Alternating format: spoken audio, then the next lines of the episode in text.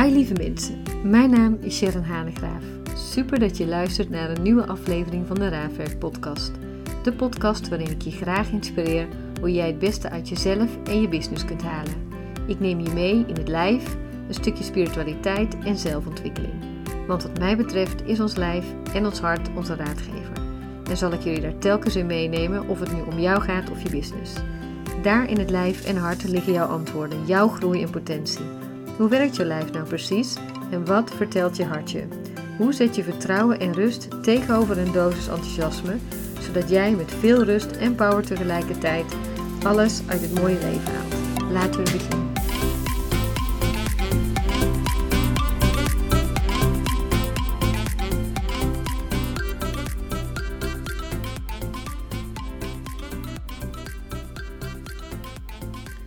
Hi lieve mensen, super fijn dat jullie er weer zijn in het tweede deel van eh, de podcast over de Mastermind. Ik neem je weer heel erg graag mee en ehm, ik heb er zin in, dus ik ga gewoon beginnen. Super fijn dat jullie er zijn. Wat als ik zeg dat jij jouw lichaam emotioneel kan leren hoe jouw toekomst voelt voordat het zich manifesteert? Dus nog een keer. Wat als ik zeg dat jij jouw lichaam emotioneel al kan leren hoe jouw toekomst voelt voordat het zich manifesteert? Dat is de uitdaging. We blijven namelijk zoveel hangen in het verleden en ons lichaam haakt dan aan op de oude emotie en beklemt daarmee het hele lijf, maar ook de gedachten, die op hun beurt dan weer het lijf beklemmen. Veel mensen wachten op hun succes, op het hele van het oude verhaal, op dankbaarheid voelen, op mooie nieuwe relaties, op het magische moment dat ze zich vrij voelen. Dus eigenlijk op iets waarvan we afhankelijk zijn van wat buiten ons om gebeurt en hoe we ons van binnen voelen. Op het moment dat we iets van binnen voelen, letten we op dat wat het veroorzaakt heeft. Dus oorzaak en effect. We wachten letterlijk op iets van buitenaf.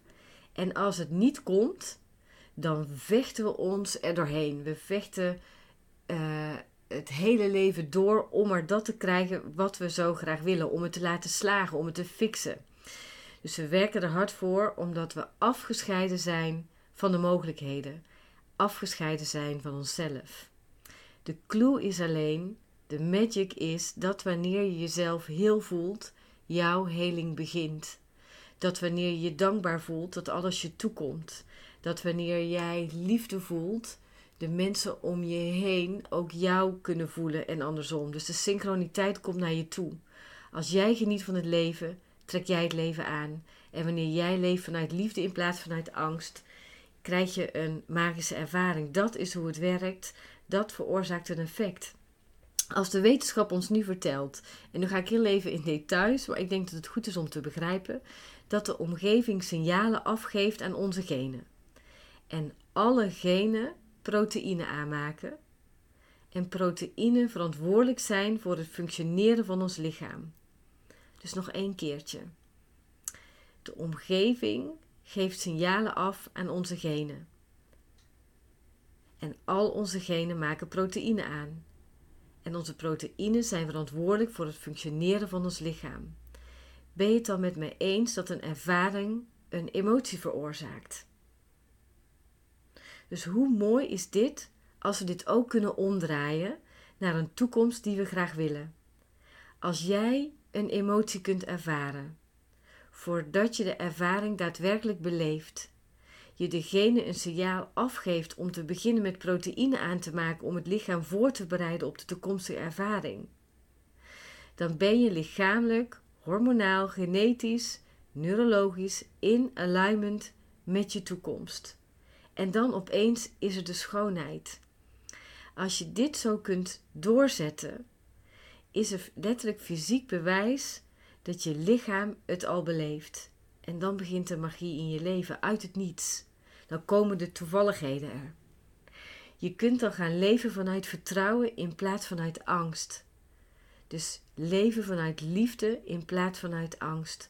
Door de focus te leggen op het hier en nu en op de toekomst, leef je minder vanuit het verleden en haal je ook de voorspelbaarheid weg. Omdat de emoties en de gedachten uit het verleden jouw toekomst bepalen, omdat we ze telkens maar blijven herhalen en herhalen. Als we niet gefocust zijn en blijven op het hier en nu en de toekomst. Simpelweg omdat je oude gevoelens herkent. Je weet hoe ze voelen en we gaan daar zo in mee en in door. Op het moment dat je je connect met de oude emoties die jou definiëren op basis van herinnering, en dat je dan ook weet dat de emoties je gedachten drijven, maar je niet groter kunt denken dan hoe jij je voelt, voel je vanuit het verleden en creëer je telkens meer van hetzelfde leven. Dus je wordt dan wakker en dan is je brein grotendeels in het verleden. Afgelopen week werkte ik met een dame die zo vastzit in haar lijf, omdat haar emoties uit haar verleden haar letterlijk doen verstikken. En ze krijgt er echt geen woord meer uit. En zonder het hele verhaal te vertellen, zat er, gaat het in ieder geval over dat er een binding zat op seksualiteit. En ze heeft zichzelf daar zo mee gefuseerd met alles dat wat er ooit was, dat een nieuwe waarheid voor haar nu niet mogelijk is. Dus ze is helemaal opgegaan met een oud verhaal en haar lijf is daarin vast gaan zitten.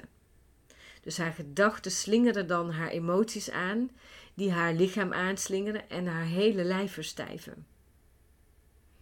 En denk zo met me mee. Als je gedachten bepaalde emoties bewerkstelligen en deze emoties weer gedachten bewerkstelligen en ga zo maar door, dan um, conditioneert, dan is je lijf geconditioneerd in het verleden. Dus als je zo in die gedachten en in die emoties blijft hangen en niet verder komt dan dat, dan is je lijf geconditioneerd in het verleden. Dus jouw lichaam wordt dan als het ware jouw onbewuste mind. Het kent namelijk niet het verschil tussen de echte wereld, nu, en de oude wereld. Dus het lichaam leeft dan in het verleden. En die gelooft letterlijk dat alles nog hetzelfde is. Dus ook al zit zij daarmee in een oud innerlijk kindstuk, het lijf weet niet beter dan dat de situatie nu is. En daarmee kom je niet verder. Het creëert dezelfde genen en je gaat als het ware, en zij gaat als het ware ook af op dezelfde genetische toekomst en je bent je er niet van bewust. Al wordt deze dame zich wel er steeds meer van bewust. Alleen haar emoties definiëren nog steeds haar. In het blijven herhalen van haar verhaal, vaak ook wel in het, in het oude stuk, in het oude kindstuk, blijft ze signalen afgeven aan haar lijf dat ze nog vastzit in het oude verhaal. Wat je eigenlijk zegt, wat zij eigenlijk zegt, is: Ik ben nog steeds niet veranderd sinds die gebeurtenis. Dus je lichaam blijft geconditioneerd in het verleden. Hoe jij denkt en hoe jij je voelt, creëert je state of being. Je denkt dezelfde gedachten, die dezelfde emoties creëert. En je geeft telkens hetzelfde verhaal af aan jouwgenen, die op hun beurt verantwoordelijk zijn voor het lichaam. En op een gegeven moment haakt het lichaam ook af. Dat zag ik bij haar ook. Haar lichaam verstijft, kan niet meer, komt letterlijk niets meer uit. Dus als je continu leeft ergens in boosheid, in ongeduld, in verdriet, creëer je ook een ongezin, ongezond lijf. Want de proteïnen uh, in je lichaam breken letterlijk dat lichaam ook af. Maar goed, dan is er ook weer dus die keuze. Dus als meditatie betekent dat je ermee bekend raakt, is het fijn om bekend te raken met de toekomst in plaats van bekend te raken met het verleden. Als je een keuze hebt, welke keuze maak je dan? Wil je dan bekend raken met de toekomst of wil je steeds meer en meer je lijf bekend laten raken met het oude verhaal? Als je ervoor kiest om bekend te raken met de toekomst, dan heb je meer mogelijkheden is het makkelijker om gelukkiger te zijn, om gezonder te zijn, om je business gewoon volop te kunnen runnen, om succesvol te zijn. Het is makkelijker om geluk te vinden en vanuit daaruit te verzachten in het oude verhaal, omdat die iets minder belangrijk wordt. De afgelopen 17 jaar heb ik veel verhalen gehoord uit het verleden. En als je blijft leven in boosheid en angst en afkeuring en overleving, signaleert um, het de stressrespons in je lijf. Je creëert letterlijk een negatieve energie om je lichaam heen. Als je een bedreiging ziet, dan zet je je overlevingsstrategie aan om het gevaar aan te kunnen. Dat heet overleven. Dat is oké, dat is fijn, daar is het voor bedoeld. Als de bedreiging over is, dan komt het lijf weer in de ruststand. Dan kan die uitrusten.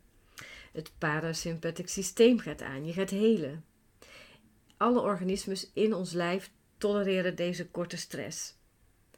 Wat een hond nou doet, en dat is het verschil met ons of andere dieren, als er stress in het lijf is, dan schudden zij zich daarna uit en dan is het ook uit het lijf weg. Wij mensen doen dat niet. Dus ook als het niet van korte duur is, en dat is mens eigen, vaak blijven we stress herhalen, dan heb je telkens dezelfde stressrespons alsof je continu aangevallen zou worden. En ergens raak je dan ook verslaafd aan die rush. Dan moet je boos worden, dan moet je verdrietig blijven, dan moet je blijven stokken in woorden, omdat het onbewust jouw emotionele staat van zijn bevestigt. En dat doen we dan ons leven lang en we verwachten dat ons verleden de toekomst zal zijn. We denken dat die niet gaat veranderen. Stresshormonen brengen je focus naar buiten toe op zoek naar gevaar. En het verdrietige, althans dat vind ik, daarmee sluit je je ook af van je hart. We vertrouwen niet meer op ons hart. We willen onszelf alleen maar beschermen, omdat we niet durven te vertrouwen op het onbekende, omdat we niet kunnen blijven in het niet weten. Dus als je wakker wordt en je hebt geen visie op de toekomst en je blijft leven in het verleden, dan doe je hetzelfde. En dan blijft alles ook hetzelfde. Je krijgt hetzelfde, je blijft af alles, uh, je blijft vanaf, hoe zegt het nou? Je blijft afhankelijk van alles wat zo buiten je is. En dus je blijft afhankelijk van je gedachten en je emoties. En je lichaam wordt dan de mind van je emotie. Maar wat nou, en daar wordt het interessant, want dit is hoe het vaak werkt, maar het kan ook helemaal anders. Wat nou als je grip hebt op je emoties en gedachten en de eindeloze stroom zo tussen het lijf en die gedachten? Dan ben jij master over jouw toekomst. En dat is niet zo heel moeilijk. Wat ik in de vorige podcast al zei, dat vraagt alleen doorzettingsvermogen. Ik geef je met deze podcast zicht op hoe het werkt, zicht hoe het hormonaal werkt, zicht, hoe het, uh, zicht op hoe het neurologisch werkt, hoe het onze genen werkt, hoe dat stress in ons lijf veroorzaakt. Maar het mooie is, je hebt elke seconde een keuze om het anders te doen. Met de mastermind gaan we hiermee aan de slag door te begrijpen, te ervaren en te masteren. Het masteren vanuit begrijpen, te ervaren en te doen voor jezelf en jouw business. En dan wel vanuit fun en ease. En ik heb echt, wauw, zoveel zin in dit programma. En ik ga met jullie meegenieten. Want ook ik heb het elke keer weer te masteren. Acht mensen, dit jaar. Dus ik nodig iedereen uit met wie ik al heb gewerkt om een stap verder te zetten dan het hele van je verhaal, van je oude verhaal. Maar juist ook de stap met mij in een groep vooruit te zetten. En ook iedereen die ik nog niet ken, om vanuit je oude verhaal ook een nieuwe tijdslijn op te zoeken. Voel je heel erg welkom om te begrijpen hoe het werkt. Niet alleen om je oude verhaal te begrijpen, maar ook hoe onze lijf werkt. En dat je juist via dat lijf, via de emotie, ook weer zo positief, vol energie, met een positieve mind, alles kunt bereiken wat je maar wil bereiken. Ik nodig je heel graag uit. Voel je heel welkom. Kijk op de website en ehm, sluit aan. Fijn. Ik hoop je snel te zien. Doeg! Dankjewel weer lieve mensen voor het luisteren. Als je de aflevering interessant vond, maak dan een screenshot en tag mij en deel hem op social media. Of deel de podcast zelf en tag mij. Daarmee inspireer je anderen en ik vind het leuk om terug te zien nu we een podcast luisteren. En ik zou je willen vragen om nog één ding anders te willen doen. Ga naar iTunes of Spotify, zoek de podcast op, scroll naar beneden en laat een review achter. Hoe meer reviews, des te beter mijn podcast beluisterd kunnen worden en ik veel mensen mag inspireren met mijn podcast. Super bedankt alvast en tot de volgende keer.